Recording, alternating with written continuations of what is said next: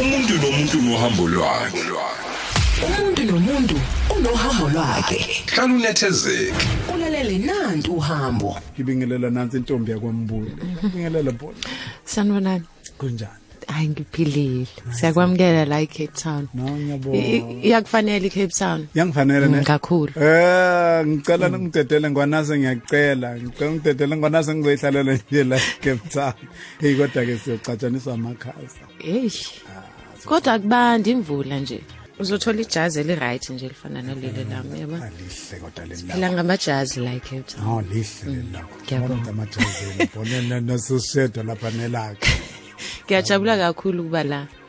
Um bengisacela ukucolisa nje kancane ukuthi mina ngizokhuluma isiZulu sase Soweto.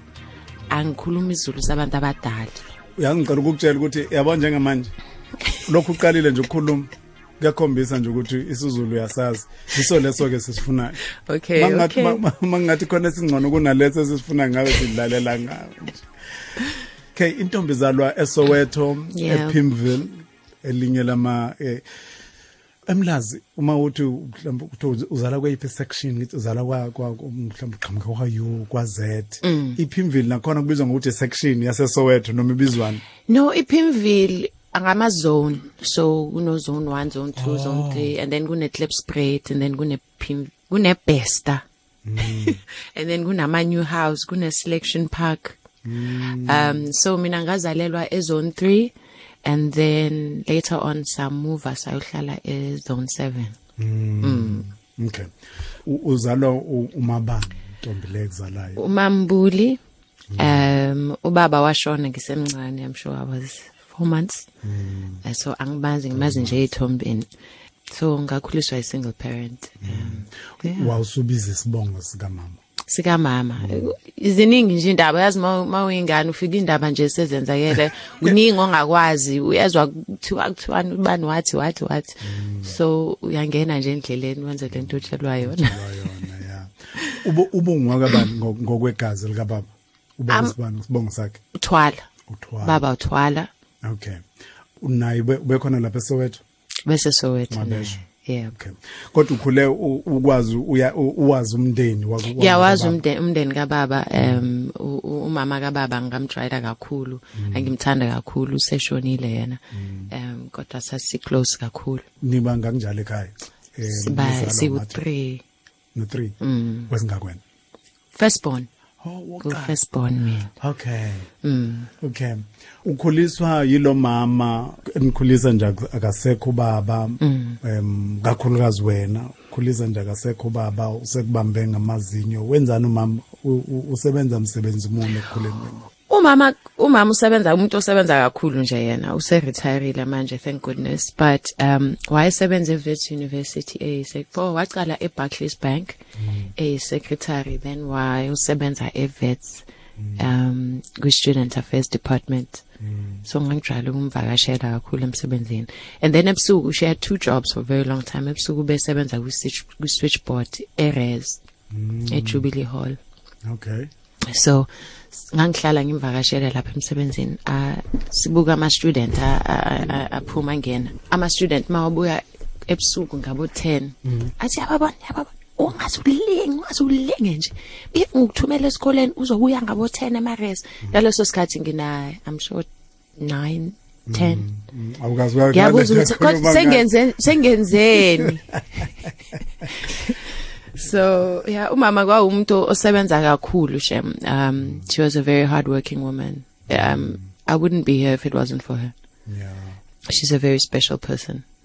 Nikhula ke kuyacaca ukuthi njengomuntu obewumzali yedwa lokhu ukuthi asebenze mina asebenze ebusuku uzama ukuthi a- akwazi uku- u- ukuba no- nomthamo othe xaxa eh, ukukwazi ukumelana ne- neindleko zokukhulisa ingane zakhe. Yeah. unithatha unisa- unisa kuphi ke ekuqaleni kwa- kwakhe imfundo nje? Uqala kuphi ukufunda? Umama wenza ama sacrifice amaningi for imfundo yethu. Um i remember nda ngaya em ngicala ukuya kwi private school e convent ngina 4 and it was it was strange because i was the only black person there out of um a standard of about 60 children. So kwakuyinto engayijwayelanga nesilungu ngangingasazi ngangithi bengazi uyes bengithi nje yes mabathi noma yini bayibuza ngithi yes. Musafika lapha. Okay. Yeah.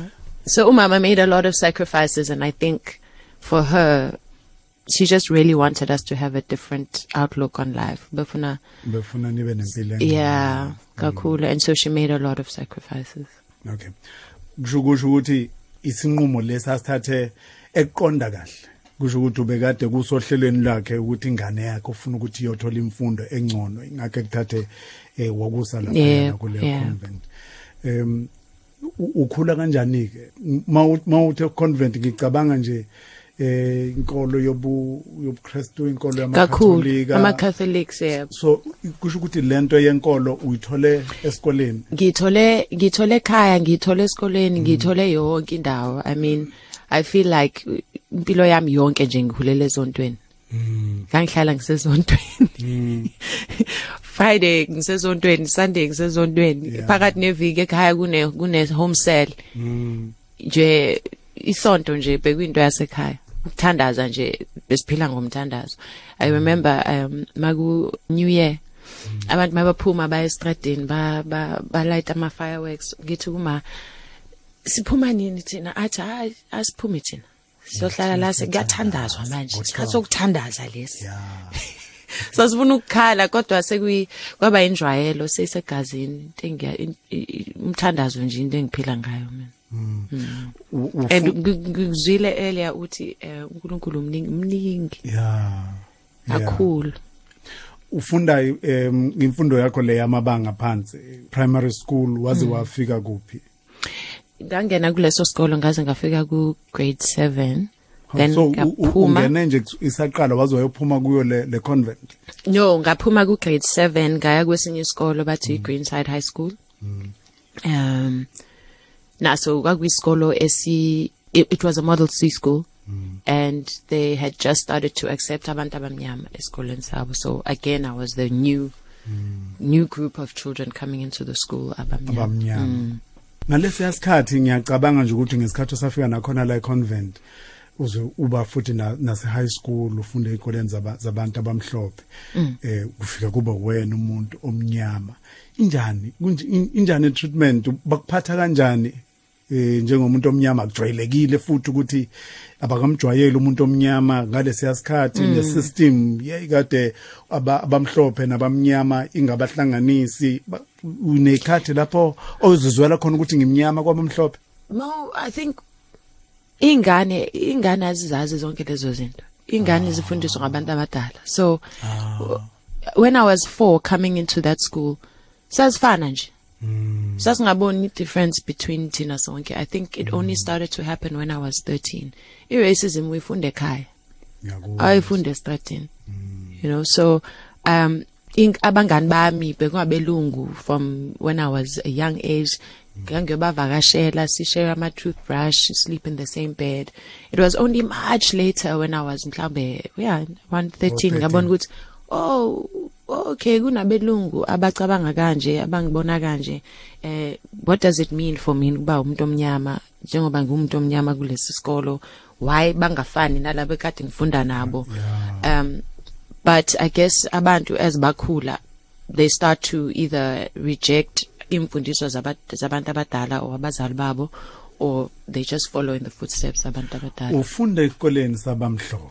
Yebo usuka elokishini laseSoweto elaziwa njengelokishi em elinomzaba ebe- ebeline ne- ne- nomzabalazo banzi wokukhululwa kwabantu abamnyama. Linama lineyigaba lineyigigaba eziningi ezenzekile elokishini. Bezenzeka lezi zinto ekukhuleni kwakho kakhulu. wayibona kakhulu. Sasihamba se u- umama ube mesithume eshop. Hawu nini nini one hour later asikabuyi because banjwe i-tear gas emashop. Yeah ori kune yawukhumbula ama stairway yeah okunama stairway sowethu sivuke bathi hayi kune stairway today akukho umuntu oye- oye emsebenzini. sakubamba nje usebhasini noma uthi ubamba itaxi bebakuphuzisa stay soft. Do you remember those stories? Yeah wena njengomuntu obefunda ke manje esiko- ey'koleni zabantu Eh. abamhlophe ibingakudidi lento ukuthi uma ngabe si- Ibidida isichazwa uma usula kakhulu. elokishini ukuthi hawu kuthiwa belungu kuthiwa i- i-system yabelungu icindezela abantu abamnyama but mina esikoleni ngifunda nabo futhi ngifundiswa yibo. Ibingidida kakhulu kodwa i was very clear ukuthi ngubani. I was clear ukuthi ngiphumaphi kwenzakalani ngimephi um it's just that because ngangikhulele e- endlini yomthandazo safundiswa to not hate people safundiswa uthando. Uh safundiswa nokuthi everything is about getting understanding and humbling yourself. So i think ngang- ngangibona kahle kahle ukuthi kwenzakalani. I mean eh, uma uma ukhulele sowethu sasibona ama hippo sasibabiza ama hippo um abe- abelungu baphethe ibhamu ezinkulu ba- ba- bazula nje lokishini basigadile nje. Obani abelungu ofunde nabo? bangena ngo2 ekseni endlini yenu ba ba ba. Bani baniyakhishwa ngiyakhishwa kusetshwa indlu bakhulu kushaywa iAfrikaans so as aziphumi zonke lezo zinto in your head zihlala zinawo. Uzange ube nethuba lokufunda ke Afrikaans ngayifunda kodwa nje namanje uma ngizwa nje Afrikaans hey ya ya ya yabo ngiyathunukeka kancane nje abantu nayo. Afrikaans okhule nabo lapha yana elokishini. Abanye bakhumbulayo nje mhlawumbe ngabe abanye sebeseyigabeni zokusebenza ezihlukene okay. U ngangi ngakhula in the same area nothandiswa mazwayi mm. Uh useyi best friend yami khona manje. Namanje. Um ngakhula around the corner from u, u Azania. Mm. Um who else? Many people base Pimville abase ba, ba benza into enkulu khona manje. uPenny Libiyane naye kwase Yeah. Pimville oh qhamuka khona lapha naye. Okay. Eh, ya baningi eh, njengoba niyabantu ababekade benesisekelo senkolo bafundisi bakhumbulayo laphana ke sizwe kuthiwa abafundisi bakoSoweto laphana babethi babe abafundisi beshumayela ivangeli baphinde futhi eh be- beyingxenye enkulu yokukhulula futhi yomzabalazo ukukhulula kwabantu abamnyama bakhona bakhumbulayo kakhulu. Ngikhum- ngikhumbula umfundisi uBhotwana ah Mm, bodwana ngakhulela yes. mina ngakhulela eZowe Bible Church oh yeah Mm, okay Nganga ngangisasi sonke eZowe for many many years. Mm. Um ngiyakhumbula umfundisi Botwana one day wayeshumayela nge ngeinwele zomuntu omnyama. Yeah ngendlela ezikhela ngakhona ngendlela ezadalwa ngayo. Mm. and i remember deciding that day ukuthi inwele zami zohlala zinje. Yeah so that's just an example of the way that nga that i was built up esontweni. Fundisi wayithole yeah yo a lot of what i am ngayifundela esontweni. Okay. Mm. Okay. Lungile siyabuya ke sihleli no no Boni Mbuli inkosazana eh, ezalwe lapha yana eSoweto ePimville. Sinangebala izinto eziningi ezahlukene ebandleni emphakathini wakhona nezimo nanhlangabezana nazo ngalesi sikhathi. Izwe lingakakhululeki. Into engenzeki kuye. Akukho kukhona yini okungenzeki kuye? Bishop Benjamin Dube nandi lengoma ukubuza nombuzi khona yini? Into engenzeki kuye. Ingisakude le ngoma because uBishop uBenjamin Dube waye worship leader eZowe for many years. Ngempela. So ngakhula ngaphansi kwakhe we worship. Elite worship yeah. So ubelokhe njena nje kanti kahle kahle kahle nasebuncaneni bakhe ya. From the beginning. I mean i guess mina i was young and yena ube youth. At the time when he was leading yeah okay. Sihleli ke nobona imbuli kuyena sibheka uhambo lwakhe namhlanje. Ngiyazi ukuthi ni isithando senu nisibonile kuma television kodwa namhlanje sizobheka impilo yakhe ukuthi ikhazimula njengoba sesibuke ku television ngoba kaningi uma ngabe simbona umuntu elapha yana sibheka nje lokho esik- esikuthola ngaleso sikhathi. Kuningi susuke singakwazi yabona ukuthi besingazi ukuthi uzalwa umama empilweni yomuntu. Yeah abantu besingazi ukuthi uzalwa umama nje usingle parent obesebenza emini esebenza nobusuku esebenzela izingane zakhe ukuthi ukwazi ukuthola impilo engcono. Wafunda high school em sixoxele ufunda high school So nephupho nga- lokuya university I- as much as umama ubesebenza ne e- ekwazi ukusifundisa there were days where imali ibi ibinzima nje bekunzima endlini like besizo besizalala singadlanga. Angithi uyedwa times. phela uyedwa. uletha imali la endlini. yebo. So singena kule ikolezi ezi right si sigcoka ama blazer kodwa sometimes silala singadlanga. Mm Um, isebenza ekhaya yebo. So impilo yami yasesikoleni ngangifunda nabantu abanama kunobaba nomama balandwa ngeemoto bana banekhaftini ezinhle ezinama biltong nama carrots nama sweet sometimes bengi- bengifihla isikhaftini sami because bengisabuthi. Bazobona ukuthi ngidlani or bazobona ukuthi anginalutho. Um and umama throughout those years behlala ethi kimi education education education. A- akunandaba nokunye bona. Mangi mangi complain ngithi ngiyakhumbula when i was how old was i? I was around 10 I- youth yanamhlanje i don't think will remember this but kwakune ku- ezinye izicathulo bathiwa ama kuthiwa ama Charles yakhumbula ama Charles Mm. Angiwa- Awus- kanjani? Hla- zinjani lezo akusho ukuthi ngimdala naku ayi ngimdala. Iyaphuma i8 ama Charles eh, ngangwafuna izicathulo zonke wonke umuntu benazo sowethu.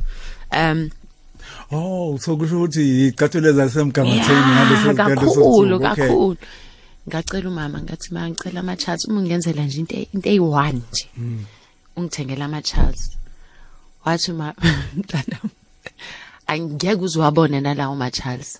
Ngeke. the only thing mina engizakunika yona i-education uzabona phambili wena ukuthi uzokwazi ukuzithengela yonke into oyifunayo nawo wonke lama Charles owafunayo emhlabeni kodwa namhlanje the only thing I can give you is education.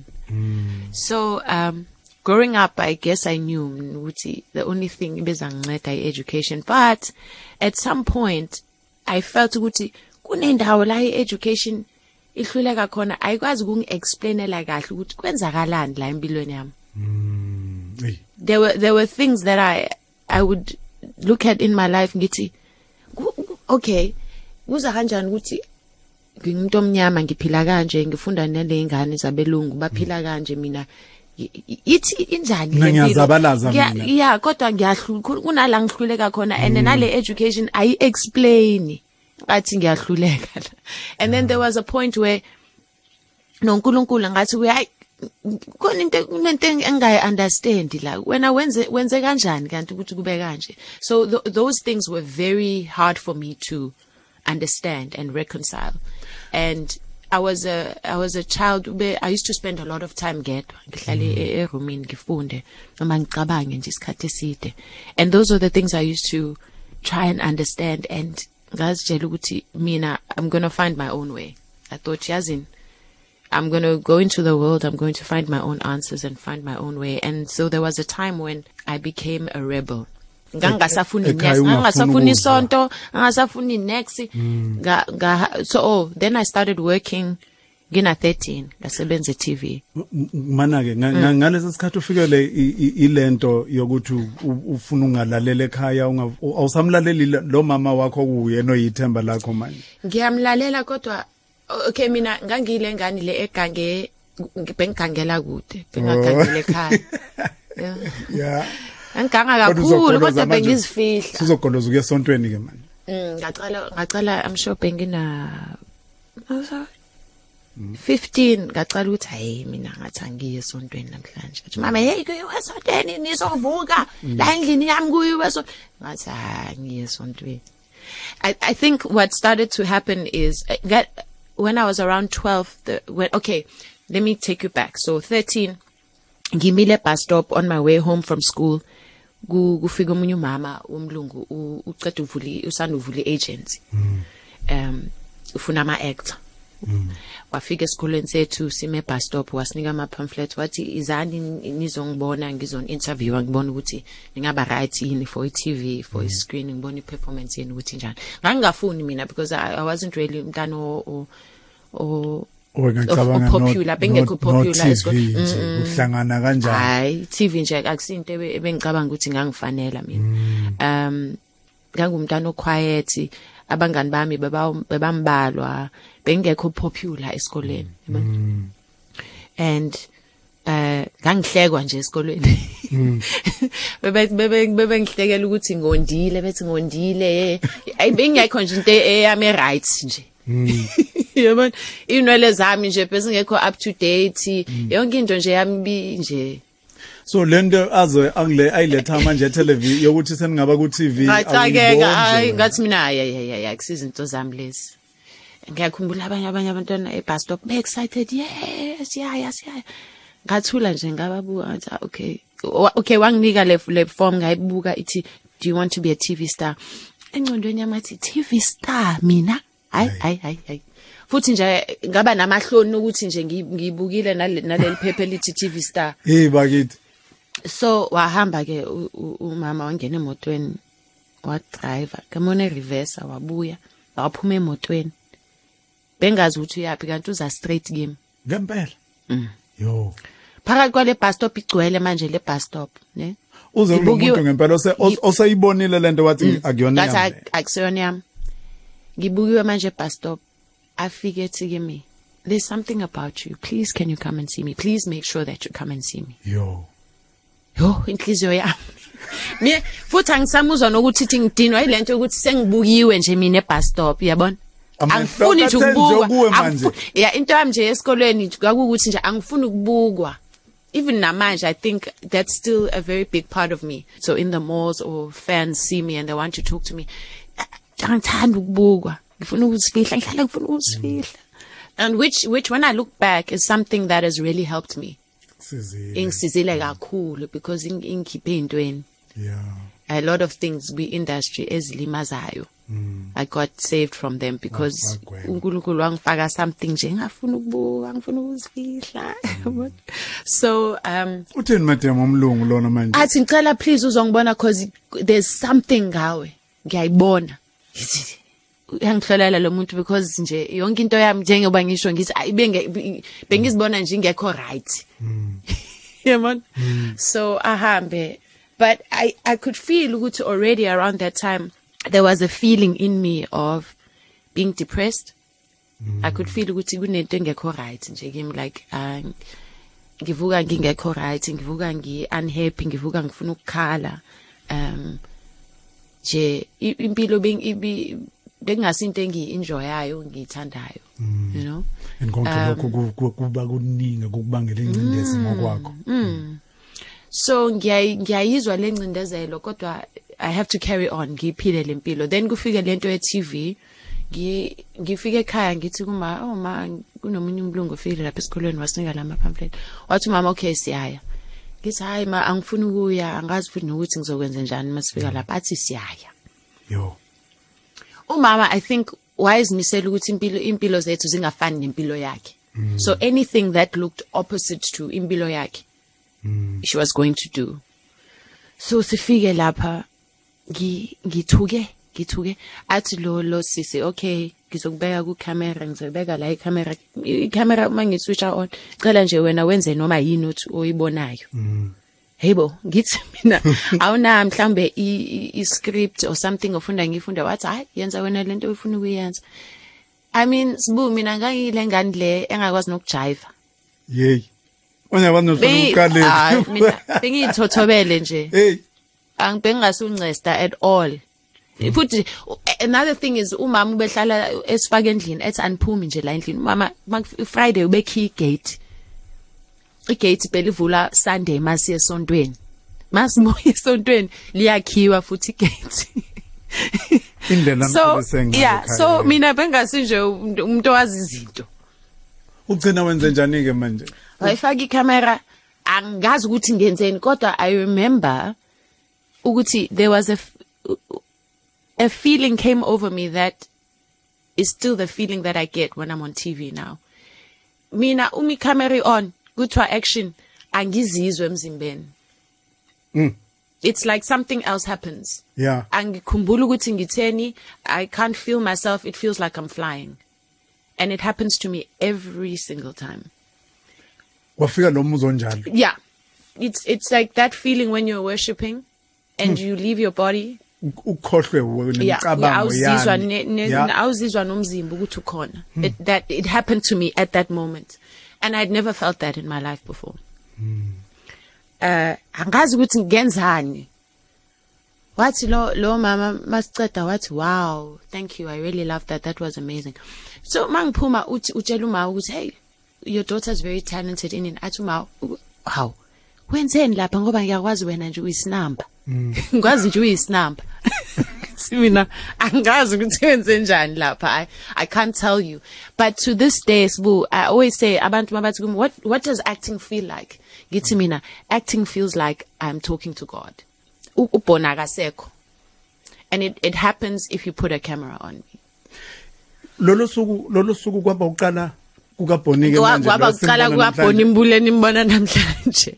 Because that was a saturday and monday monday wakhona sathola i-call from usisi igama lakhe kwakuDeirdre. Sakhola sathola i-call from uDeirdre waye i-agency yakhe kwakuyi-professional kids esasekhona namhlanje. Wathi kuma um ngicela ulethe ubhoni kune meeting eh, ekufanele aye kuyo monday this afternoon if uyakwazi ukumletha. If uyayithola le job kuzabe it's going to be a TV job her first TV job. Um uma made her way. She came to fetch me from school. We went to see these people. Uh an hour later bafona bathi "We- u- ngithol- ngiyitholile le job. Una 13 njalo? Ngina 13 yonke lento yenzeke in 2 weeks. In 2 weeks sengwi TV show is ezoba it's going to be on TV for 6 months. It was called Viva Families. Yeah. Sengiya actor. Yeah. Sengise TV sengiyabuka esikolweni kukhulunywa ngami ilanga lonke. At that time mina ngaphakathi kwami ngiyazibuza ukuthi uba ekabani lempilo engiphilayo ngoba nje so it, umehluko between impilo yami ekade ngiyiphila and what was happening inside of me i couldn't i couldn't connect them. And i knew ukuthi i knew deep down inside ukuthi uNkulunkulu had decided that this thing was going to happen to me. But mina umzimba wami ingqondo yami konke kwami had not caught up to that. Ucela usuwenza ngi- ngi- ngi- ngi- ngi- ngi- ngi- lokhu ngidwebele leyana yokuba nomuzwa we-depression. Kodwa ngifuna sibuyele kuyona e- emva kokuthi sibhekile ukuthi ezinye izinto zenzile la ku-television mungasikhumbuza nje kancane. Nempilo yakho yokuba em ku-television umuntu oqhamuka ekhaya evele eyihla o- ongathandi kakhulu ukuphuma azikhiphe. Sengisho ukuthi uyithulule kubantu. Kodwa nanguNkulunkulu kunikeza leli thuba lokuba sebantwini ngokomsebenzi wakho. Xoxela ngalempilo So I think that that thing also caused a depression in me. Because it was many things. It was okay. ngi- Ngihlala e- eSoweto umama is single parent. Uh, she's pulling hard izinto zinzima. Kodwa ngingena esikolweni sabelungu la abantu banemali everything is so extravagant. Kodwa anginazo lezi zinto. Okay I'm this quiet child ngihlala endlini angisumuntu nje othanda izinto. Now next thing sengise TV yonke into empilweni yami was a contrast. It was too different. Everything in my life was too black and white and I felt like I was sitting in the middle trying to connect all these things but they were not connecting. So so I started to feel like I had to be a different person in different spaces. Uma ngise TV ngiyilobhoni uma ngisesikoleni ngiyilobhoni o different. Uma ngisekhaya kimi. uma uma ngikhuluma nabangani bami o o, um abantwana esikolweni ngiyilobhoni so all these things became so confusing for me that I just really I just felt depressed. Sobuya siqale khona lapho ngoba ngiya- ngiyacabanga ukuthi eh, into engabanga kakhulu isimo esifana naleso. Indlela osinikeze oyichaze ngakhona impilo yakho kusho ukuthi be- yonke lento ibe umthwalo ngingumthwalo ngaleso sikhathi akekho umuntu okwaziyo ukukubamba ngesandla ahe- eyihambe kahle nawe le ndlela. Fika kukuningi kuwena Exactly. engqondweni yakho. Exactly. Also, and then there was the world where ngiseso ngumntwana wasesontweni ngihlala ngisesontweni mina sihlale kune home sale ekhaya sihamba ama home sale during the week. Yakhumbula ama home sale waye rotate. arotate ya Eh Sunday ngisesontweni. Kodwa ngi- ngise TV e- esikolweni ngi bengazazi nje ukuthi ngubani. E- e- Esontweni kuthiwa hey izinto zase TV usathane. Hey acting usathane. Yonke lento manje. wewe confusion nje. Esikolweni ingane because ingane nje zistoti zisile ngiyahlekwa because ngise TV so impilo yami nje ekuyimess khuluma ke nobhoni wakambuli. Hey iyamangalisa impilo yalomuntu uyazi ukuthi uyabona ukuthi kophoca isikhathi. Julile impilo yalo dadewethu engihlele naye. Thikele ngoma noma kunjena ngihlala ngikhonza nje ngihlala ngikudumisa. Noma kunjalo nakwesakhe isimo noma kunjalo. Hlala umdumisa nje kodwa kuyakusiza uma ulalele eh, uhambo lukaBoni liyakutshela ukuthi ukuhamba noNkulunkulu kuyamlekelela umuntu. Boni ziningi izinto zenzile ukuthi ku- television? Ngo- ngo- umbalo nje? Yo, ziningi. Um, the the first one I did dealing bengitshela ngayo um Viva Families, and then I did e tele school, Zap Mag, um, and then I went to backstage. Backstage was my very big um, acting um, launch. Then ngenza igazlam, ngenza i. Porsche, ngadlala uPorsche. Yeah ekhumbula um after igazlam ngenza i-techniques heart of the beat yes ngenza i-hillside um zero tolerance um then i came back usuyiphusha ke manje so so usuyiphusha wena usuyathanda nawe So, ngiya ngiya ngi- no you know what it was? Hayi nofuthi nokuthi ngiyathanda.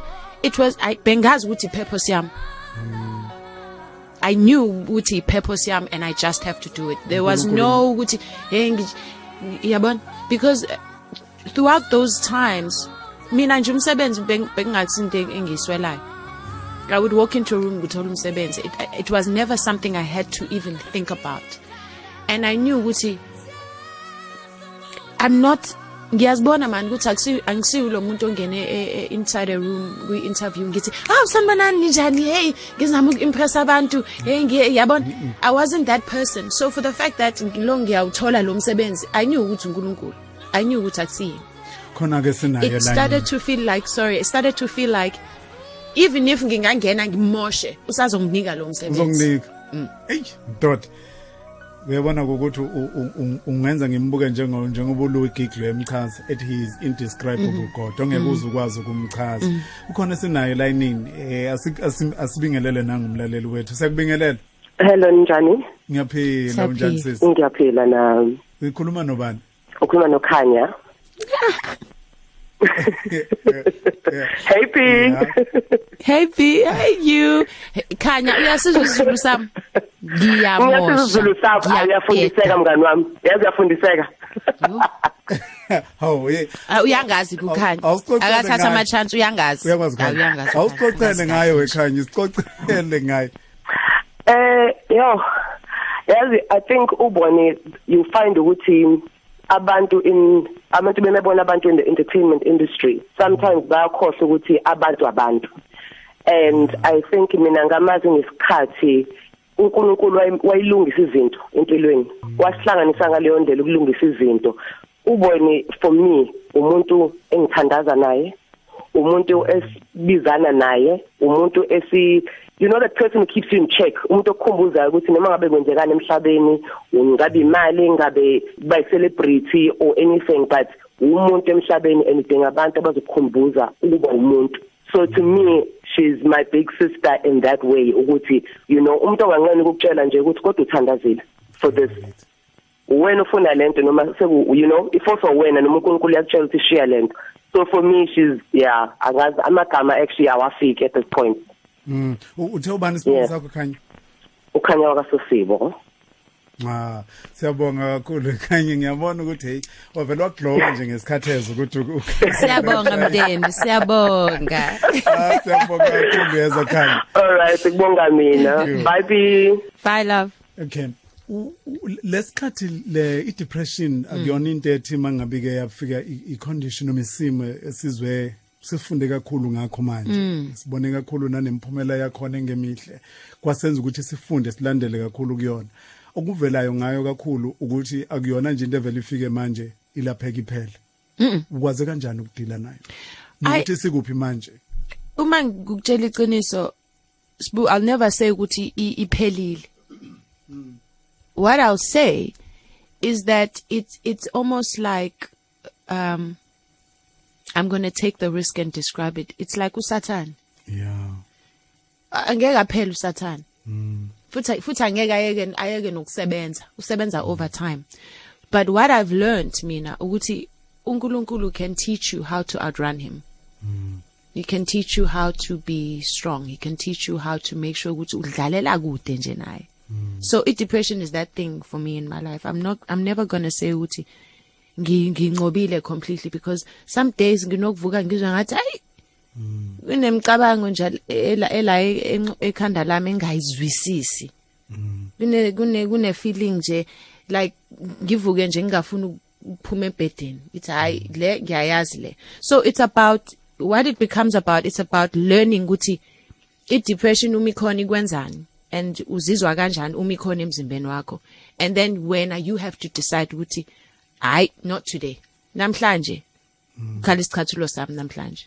Ukhule- i depression ikucindezela la wena uvumayo ukuthi okay okay hayi ngena. Uyivumele ngiya ngiyakubona usufikile hayi nami ngizovele ngiyilalele la ngikuvu ngikuvume. I depression it's um it, if we are we are accept ukuthi khona empilweni yakho and you choose to stand up and fight it can turn you into beings on earth. Because where now you have a bigger reason to fight every day. So kuze kube namhlanje u- u- u- ufanele ukuthi uvuke ulwe naye? Mina mina i-depression uma ing- i- i- uma ifika ingithola ingithola ngigcoka amateki ngiyagijima. Angiyilindanga. Because i've lived many years ingicindezela. Ngi- nginga understand ukuthi yini this feeling. Khona manje ngi- ngi- nginemisebenzi ngise TV kuthiwa ngiyathandwa kodwa nje angizizwa ngifeel right. Eh even when i was married then ngashada. Bengifuna ukuza nasemshadweni nje. ukuthi awu umuntu nje ekukhuleni ngathi angijabulanga ang- ayikho nje into engijabulisayo. Asi- asixoxe kahle leyo mshado. Bengifuna ukuza lapho ukuthi wagcina usukhulile wa- washada em wangena manje e- esigabeni esibalulekile kakhulu. Ungena uyilobho nomchazayo kithina nale condition ye depression eh kuba njani emshadweni? Sixoxela nge-experience yasemshadweni. So enye into ukuthi and eh, abantu besifazane must this is something they have to face within themselves. Is that si- sikhula mhlambe sitshe- siyatshelwa ekhaya ukuthi nje uzoshada nini? Kubalekile nje ukuthi ushade wena. Yabona umendo nje into e important and you find yourself uphilela leyo nto. Kumele ngishade ukuthi nje mele ngishade mele nje ukhona lo muntu nje kufanele ngimthole by mhlambe 26 ngibe ngishada. Mayithi 26 mina nje kufanele ngibe sengishadile. Um and that time you're not focusing on izinto ezizokwenza ukuthi ube umuntu o o right nje for wena for yourself. Awukho that focused kwi career you're not that focused um in self development wena nje ufuna lo mshado. And lo mshado uma usufikile here's the problem with that message is that lo mshado uma usufikile it's meant ukuthi ilungise yonke into. Yonke into nje ibe e- e- e- Ekade ibe- ingekho. ibe ingekho right nje empilweni yakho. Suddenly wena uzoshada kuzophela kube mnandi ne? And we forget we don't tell young people ukuthi the person you are before ushada uzongena uyilo Uye. muntu kulo mshado uzoletha zonke lezi zinto oziyo kuwo lo mshado. Um oyizo. So I got there and I thought, wow, okay, finally, my mom was very proud. Hey, okay, great. Because also, umama, and all, all young black girls know this. Umama ukhula sikhula ethi, "Eh, ni- ni- nilala kuze kube yilale isikhathi. Ngeke nishade, Bonisile. Ngeke- My full name is Bonisile. Uma umeme seng ume sengichika ube ngibiza uBonisile. Bonisile. Boka nje izitsha zingakana yazi kodwa wena ngeke ushade. Hey udlele ebhodweni. So in your mind Ufuna nje, yabo? uyawufuna lo mshado uzoziprova by umshado. Wa- wafika umshado Wafika Wangena kumshado. Ngangena kumshado. Hayi umshado akusiyi pap and place. Umshado. Because umshado in fact forces you to face yourself. Because you see you see yourself for everything that you are. Um, and also umshado is very different from umjolo because niya niyahamba niya movie ni spend time together nibuyele ni Niye ni- kubo, and next time nibonana usu right futhi u bright yabo but umshado nivuka every day in the same place. Uyakubona umuntu ukuthi ha? Uwe lo muntu? Um, yeah. emingaki la emshadweni. Seven years. But Tina ngangishade no Sisanda hena and uh, Sisanda and I married when we were very young. Mina I was 26 he was um 23 um sashadele esontweni sasikhonza yabona? Um so umshado wethu was very much church focused. Sasihlala sesontweni nathi we we even went through ministry training. sasinga besizoba ngamafundisi it was it was a deep thing. Um nizoba abafundisi Ni- ninobizo manje? All right. So there's so many things that happened in our marriage but what what I can say is that umshado wethu umuphela. We uphele sizibonile ukuthi singene la kulomshado sifuna isalvation emshadweni. We didn't we weren't looking for salvation from God we wanted salvation in marriage lento yokuthi Uzomlungisa hayi, lo ukuze sikwazi mshado. ukulunga Yeah. sibe izinto ezilungileyo especially for abafazi because sona Yeah, because also abafa- abafazi they say to women, "Oh, yabona nje uh, thina kwi culture yethu siyaba respect umfazi mayishadile uyamrespect kodwa umfazi uma engashadanga nje uyamthuka umtreata ngendlela ofuna ngayo hey wobani labo uhamba nobani wena? Uma engena endaweni ahamba yedwa fanele kadelelwe nje yena. So women also have this thing ukuthi mina yabona istatus umgangatho wami uzonyuka uma sengishadile. Zobonakala ukuthi nje ya ya ya ngikhona endaweni yabona? So i think a lot of us suffer from that and we don't we don't admit. Mawuphuma manje mase nifike lesikhathi sokuthi seniyawu niyaliqashula leligoda manje nengane engaki uh two. Kulomshado? Two yeah. In the fourth year i started i had my firstborn and then a year later our second one. Um I, I there's many things i can say about mshado wami, but i'll always say that if there's anything right that i did i chose the right person to have children with. Out of all the people that i could have had children with emhlabeni usisanda was the best person for me to have children with. So ukhona njengobaba walezingane yes he's a great father. abazali balezingane abangenayo inkinga emva kokush- emva kokuhlukana emshadweni. Exactly. But I mean, it took time and it took umtandazo and we'd always known, I guess because emshadweni sasiphila ngumtandazo, it got easier ukuphuma and still be able to phone abefundisi sithi sesiyahlukana manje sicela nisincede in negotiating this part or eh nang usibanibani usekwate kakhulu angisamqondisisi kahle. Yabona we were we always were able to have support even uma sesiphuma it's very important ukuthi into noma into ingasasebenzanga it's important ukuthi uphuma kanjani kuyo. Okay.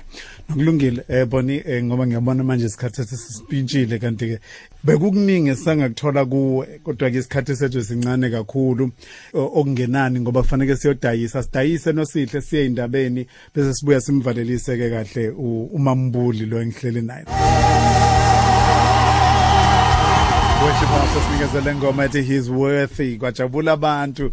Eh bayithanda kakhulu le ngoma. Isikhathi ke sethi sishaka lolunye emva kweshumi nomuvo kulolu hlelo indumiso. Eh siphothula ke uhambo lwethu noboni eziningi izinto eh lo muntu anazo. Ngintshela ingane zakwethu noboni eh nga- ngaphambi ukuthi si ngiya- ngiyalangazelele nokwazi ukuthi usubheke phi lapho ubheke khona manje impilo injani kodwa ngiyakhumbula ngifuna ukuthi ngaphambi ukuthi sifike lapho siyisonge kahle leya ndawo yok- yokuphuma emshadweni. Kunencwadi ebhaliwe.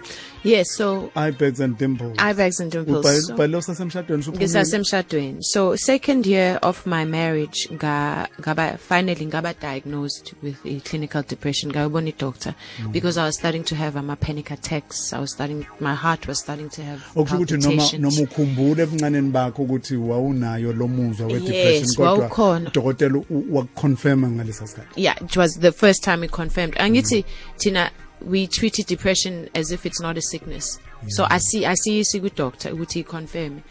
Sitshela ukuthi hayi izophola izo izohamba izo izozilungisa but it, it, it doesn't do that. Ayihambi iba worse in fact because as you get older you have to deal with so many more challenges empilweni. So ngangena emshadweni the first year samuva sayohlala e-LA um eHollywood. Uh, I was pursuing my career in Hollywood. Izinto zange zihambe kahle. Ngabuya uh, yaba worse ke depression ngangena kwi ngathatha ngaba diagnosed then I started taking medication. So kule 5 years bengithatha medication kuyo I really wasn't working much. I was at home looking after my my children and just trying to figure out what was wrong what was happening. Our marriage was tough. Things were just not working out. And then I started writing ngeencwadi um so ngayibhala i-Ibex and Dimples. I'm sure two two weeks after i pub i- i- iBags and Dimples was published, I decided to leave my marriage. incwadi incwadi yakho Ibex and Dimples. Wathi uyichaza wathi uyibhale ngawe ichaza wena. Ichaza mina ubuso bami ama dimples wami nama iBags. oh yifaca lezo nazo? Yebo. okay. Namehlo akho lawa eh eh, Anokuvuvuka sometimes, so Ibex ilokuvuvuka kwamehlo. Ilokuvuvuka kwamehlo. And then it Why- why was uyatha kanjalo? You know what it was such an important thing for me because ngangi anywhere I used to go abantu bathi kimi hi man why engathi ukhathele? Engathi ukhathele ngithi hayi amehlo manje but after a while I realized ukuthi no. There's it's something else. There's a there's a burden I'm carrying. Kunomthwalo engiphethe othwele, and ubhaliwe la ebusweni bami. So I called it eye bags and dimples because ama eye bags represented umthwalo and then ama dimples represented the gift. hayi. So kule ncwadi yakho ulapho ubhale khona yonke into ohlangabezana ngibhala nayo empilweni about the gift ngibhala about umthwalo the hardship the gift the gift the curse. Into engathanda ukuthi singasihlukane singakhulumanga ngayo.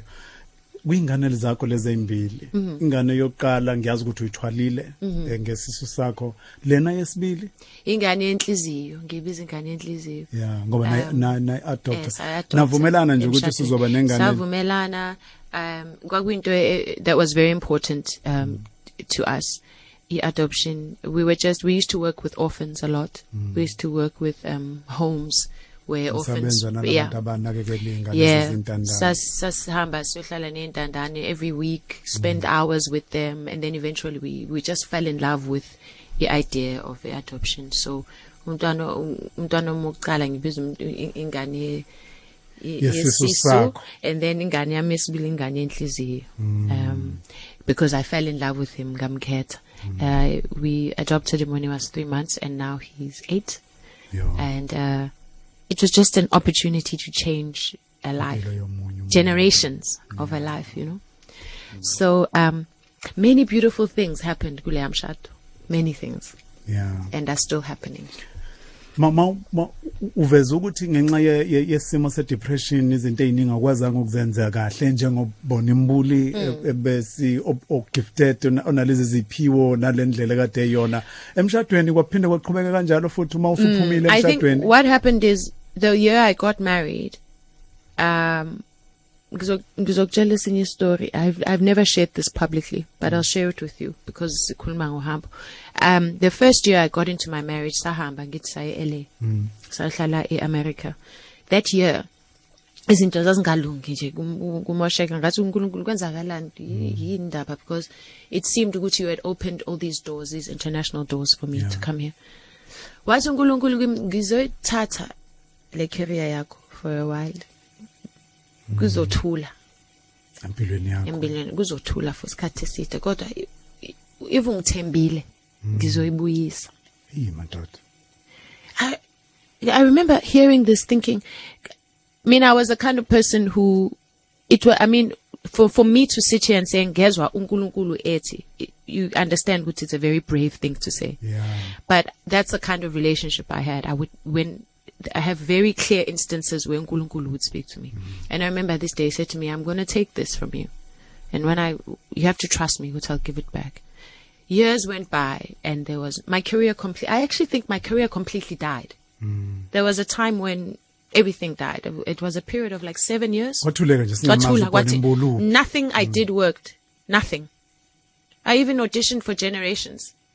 And I didn't get it. There was not, yakhumbula ngithi mina, I, umsebenzi kwakuyinto engayisweli. Suddenly there was nothing I could do that could work. Nothing. From the smallest job to the biggest job to a regular, I say generations because it's, it's, it's the one job I hadn't done. And so I was like, okay, maybe this could work because these people know me. No, Ev- nothing worked. And then I wrote the book. The book came out, and uh, our marriage ended.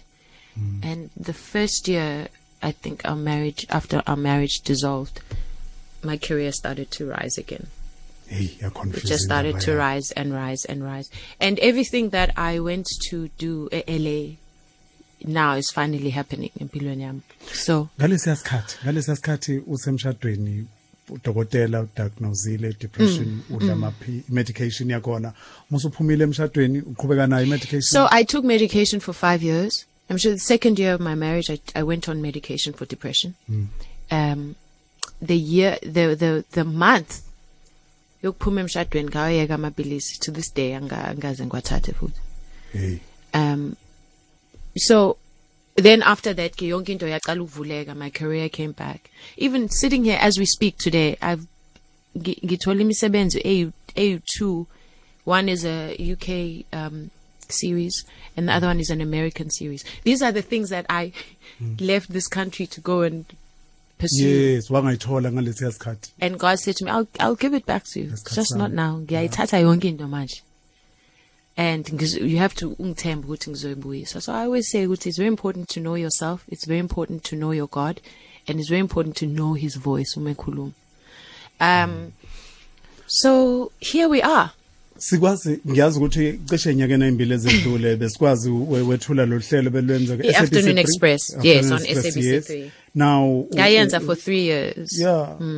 Uhoxile manje. Eh, ngayiyeka. ingenxa ukuthi ufuna ufocus kule msebenzi emisha there, there are many promises uNkulunkulu ithembiso uNkulunkulu wanginika zona about i-acting. Wangitshela izinto aza- aza- azozenza indawo azangisa kuzo. And azikafezeki zonke and ngiyamthemba ngiyazi ukuthi into athe uzoyenza uzoyenza. And ngambuza ngathi is it time for me to go? Because ngiyabona ngathi uyayibuyisa lento ye- ye-acting. Um then the signs that i got were that it was time to go. So ngahamba ke then when i left i started getting a lot of international work. So uyo actor ke manje? Ngithi yabona actor. Manje ya ngiyabuyela manje. To that feeling that feeling that i missed for so long. Mase sisibuyisa futhi la eh okungenani lapho sobe sesizokhuluma ngeexperience yakho. Mhlambe emva kwesikhathi esingangonyaka hayi ngiyabuya for Sibheke i-part ukuthi two. nje- yeah, se- ngilinde nje ukuthi sizobheka ubuye nanokuthi wena kuhamba Cape- kanjani. ekapa. Buya nje wena ecape town ngizabe Yeah. ngikulindile la emnyango. Senze part two. Ngiyabonga kakhulu Boni kube namna kube mnandi kakhulu ukuhlala nawe sisi. Ngiyazi ukuthi ukhona kuma kuma kuma social sasinikeza wona. Eh, ngiyabona abantu bakho lapha yana ngibonile na izolo ku Twitter ku retweet bayathanda abantu. Awu bayangithanda bayangithanda. That's another thing i want to say to abantu aba, uh, who struggle with depression. Um it depression it has it's very bad in that ikuvala amehlo ukuthi ungaboni ukuthi abantu bakuthanda kangakanani awuthi sizwe le voice note ungathi unosihlona une voice note lapha yana mhlambe eh u- ungasho something ngaphambi kokuthi noma sinikeze ngesikhathi sayilungiselela sathi usinikeza ama yeah your ukuthi socials. nje u- ungavumi ukuthi lento ekuphethe ngaphakathi ikuvala amehlo ukuthi ungasaboni ukuthi abantu bakuthanda kanjani Ne. because uh, uthando lwabantu liyapholisa futhi liyakuphakamisa futhi uNkulunkulu usibeke sonke la ukuthi sithandane si- si- siphakamisane. So lento ezokuvala amehlo ukuthi ungawuboni uthando wazi ukuthi nje into enga fast ngenyawo zombili. Zombili. Awusinikeze le voice note nosihle Sanibonani bhuti Sibuko Khosini ngiyamazi uBhoni Mbuli nomntanakhe obekade efunda eUrban Pre-Primary School eWestdene igama lomntanakhe uMikhaya. Bekadwa yimina noteacher Nicolette eclassini abeka kulo ku 2 3 years. Lelo class lelo ubaba umntwana ngiyakhumbula kwakusisanda ukuthi isibongo bese ngisikhohliwe sababa umntwana kodwa uBhoni ngiyamazi kakhulu uma kaMikhaya. Besimbiza kanjalo ke thina eclassini ebesebenza kulona sikade umntanakhe. Uma bonke msimange emfundweni kodwa eRosebank. Siyabonga. Siyabonga Ah, that's so sweet. Maga Mikhaya first born wami uMikhaya and then the second born yami nguHeniel okay. Ubani? Heniel Henia okay. Ungileke sesitholakala kuphi kuma social sikudedele ngi kuma socials ngu @bonimbuli yonke indawo yonke indawo nje Facebook uh Twitter Instagram ngingubonimbuli okay please bafowethu www.ukhozifm.co.za utshele nabanye ubutshele ukuthi inkulumo podcast ka- kaboni izobe se- sitholakala nje kusasa. Bang- bangakwazi ukuthi please download eh, uphinde uthumele na kwabanye abantu futhi. Ufake lapha ko Twitter ufake lapha na ko Instagram ufake kuma socials lapha thumele kwabanye abantu abangazange baze bayithole. Izomvula kakhulu umuntu amehlo okwazile ukuthi umnikeze yona. Ikhombisa ukuthi ubona umuntu elaphana ku television smile ucabanga ucabanga ukuthi wena eh bathi bathi ngesilungu it's only the bed of roses. Kanti akunjalo. Impilo impilo impilo. wonke isifikela sonke impilo. Sabanga ngoba yazibona. Hayi kubonke mina kakhulu. Ya mase uqedile uku-actor lapha ubuzo sixoxele ngizobuye ngimxoxela hayi futhi nje uku-actor ngizo-actor ngize ngibe ugogo. Ne? Ya. Uhambo. Kwindumiso nosibungu thelezi